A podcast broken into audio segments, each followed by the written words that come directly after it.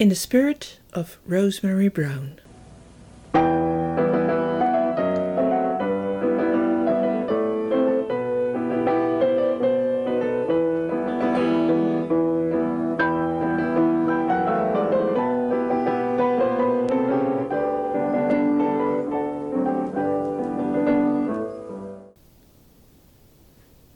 Episode 3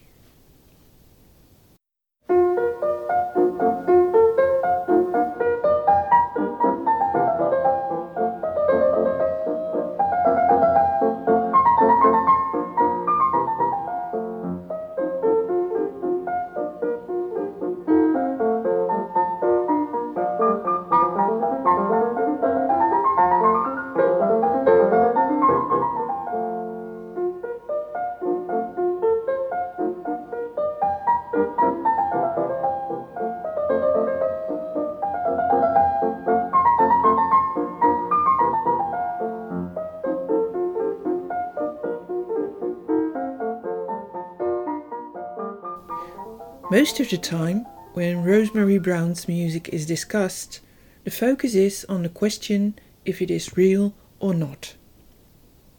The believers saying that the music is a means, not an end, and the skeptics saying it is shallow. Why does the music itself get less attention? One argument was her own piano playing. Mainly out of marketing reasons, Brown herself performed a lot of her works and while her playing has nothing to be ashamed of, the minute you hear the compositions in hands of professional performers, they gain a lot. Howard Shelley, Peter Katin, John Lill, Hephzibah Menuhin, Malcolm Troup, Cristina Ortiz, and many more seem to get the intentions that are there on paper out in sounds. Another reason might have been her position as a woman. This was still very much an age when um, the whole society that she was brought up in, you know, women weren't composers. Tom compares his mother to Dame Ethel Smyth. Yeah, it's it's, it's good music, but you know, you struggle to hear a really original voice, and you don't quite know why. You know, it sounds very Brahmsian sometimes, and so on. And so, I guess you know, the serious musical historians would say, well, yeah, that's the reason why um, Dame Ethel's music didn't really get its place in the standard repertoire, whatever that means, because it just sounds a bit too much like a bit of this and a bit of that. And you know that's R, you know, that's what RB was doing in a way. She didn't, you know, it, she denied that she had a voice in it. You know, the story was that you know this it wasn't her voice. She was she was the mouthpiece the, the channel for you know dead white male composers. Uh, but why couldn't a woman of her age with those talents you know feel that she could sit down and write pieces of music by Rosemary Brown you know why you know if you take that sort of psychological yeah. explanation you know why was it suppressed why did she feel why why was it you know it, you know subconsciously so suppressed that it could only come out as the product of uh, a dead white male composer. She was a, you know, a kind of a, a low-key feminist of her age, you know, well, always aware, you know, she was, you know, being an independent woman, that, that women were just, you know, you know, punished by, you know, the employment system and everything because she, you know, working, you know, for the post office, they, they were categorized as civil servant jobs in England at that time, and uh, they only employed single women. Um, so when she married, uh, she was effectively fired, asked to resign, and of course you had to resign. She uh, justifiably bitter about that. A third reason to downplay Brown's work might be the lack of necessity, apparently, for the composers or for Brown herself to create groundbreaking music. Woodward disputes that that argument should be decisive. This, the thing that I always find in this music all the music that I have heard, what one misses is the angst of earth. nearly all composers register, you know, the, the sort of turmoil that, that exists uh, in human beings. Uh, I find that it's it's sort of by comparison is rather bland uh, the music, Yep. and that that can easily be understood that they have left the Earth sphere and they've left the vibrations of Earth behind, and that's then um, it to expect them to to reproduce that is would be very difficult because it would be unnatural for them. I Yeah, their life's no longer depending on it. Yes, Literally. exactly. Yeah. And I think that's, I think that that's my own feeling that the explanation for the, for the quality of the music, is that they're working somehow with old ideas, um, what that, that they learned when they were on Earth, but the, it's without the emotion that, that they, the, the deeper, uh, well, the sort of negativity that, that exists, which you know all these composers expressed in their which doesn't no longer comes through. I Want you to keep this in mind, I think, rather than decry and say it's not very good. This is coming from some sphere which is no longer connected to this. Melvin Willin shares the feeling of many that Rosemary Brown often worked with composers in their middle periods. I tracked down all sorts of people to ask them their opinions about things, and some were very impressed. Generally, the, the word pastiche Yeah. came through over and over again. And, and I thought, well, yes, that's as maybe, but I'm, I don't know quite how she managed to even do pastiche versions of it. Rosemary Brown herself was aware of this discussion, but also of the impossibility to write something other than was given to her. But I mean, Um, if Beethoven is giving it to you, and If uh, Beethoven was giving it to me, then surely and I, and taking it that I am receiving him loud and clear, it should be worthwhile.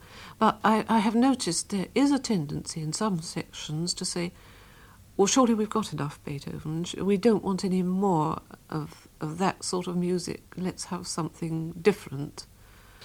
I don't think that I myself have the gift of composition because I still try now to compose myself, and I find that I cannot compose myself.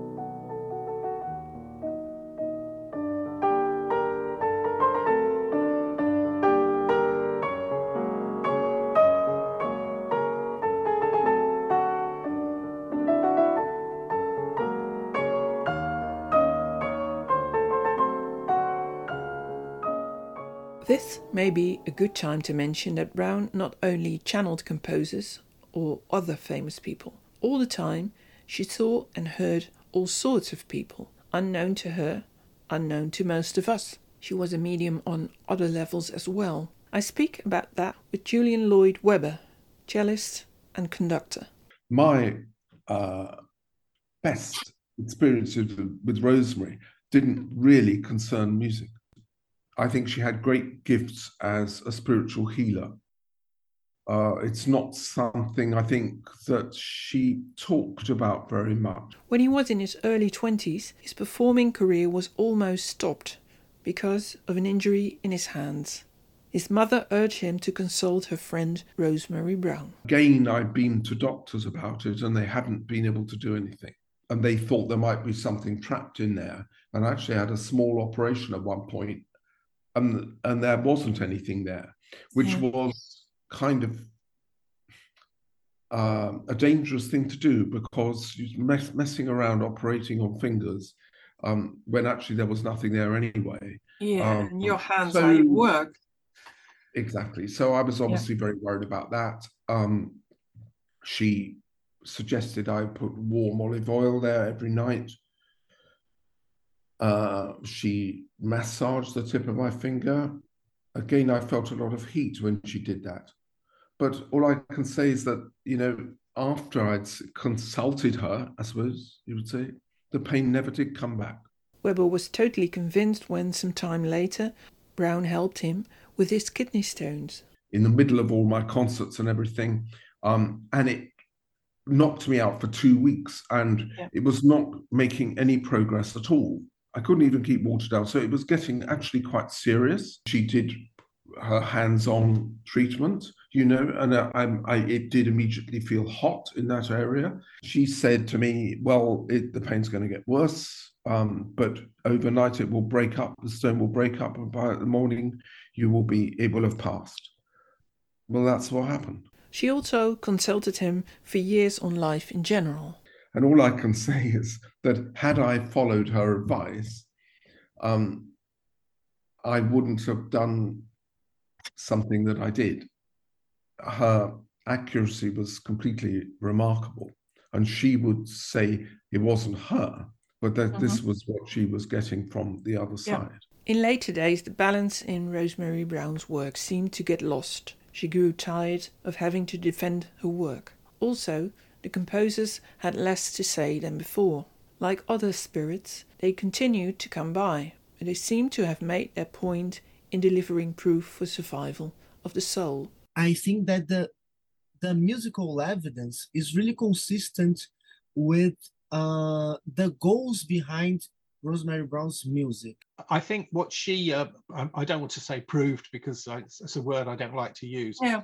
but she, she gave evidence for there is more to life than yeah. we, we, think there is. But yeah. whether it proves the survival of the soul after death. I'm, I'm not willing at the moment to go that far. It doesn't mean I won't change my mind, uh, especially when I'm on my own deathbed. There's only one regret I have that I didn't investigate the, the, all, all, these manuscripts with her.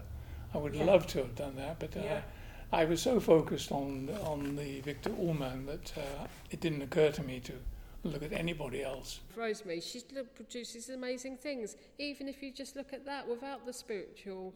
But it is spiritual, of course. There's no, when you met her, there was no reason to think that she wasn't genuine. A lot of the people would not profess to any belief in the life after death or any form of organized religion, and yet somehow she formed these very deep relationships with them, clearly. Sometimes resulting in pieces that I would like to hear occasionally, you know, wherever they came from. In this English spoken version of the podcast series, I have used less music than in the Dutch series. However, on the Preludium website, you'll find a list of links to albums and media players. Here's a little foretaste a quartet by Brahms. As an example of her work for instruments other than piano, she did give me part of a movement for string quartet dictated to her by Brahms on the 9th of June 1969. Here it is, exactly as she wrote it down. Well, not exactly, for being unfamiliar with the clef, Mrs. Brown wrote the viola part an octave lower than it should be. The Dartington String Quartet has, of course, put that right.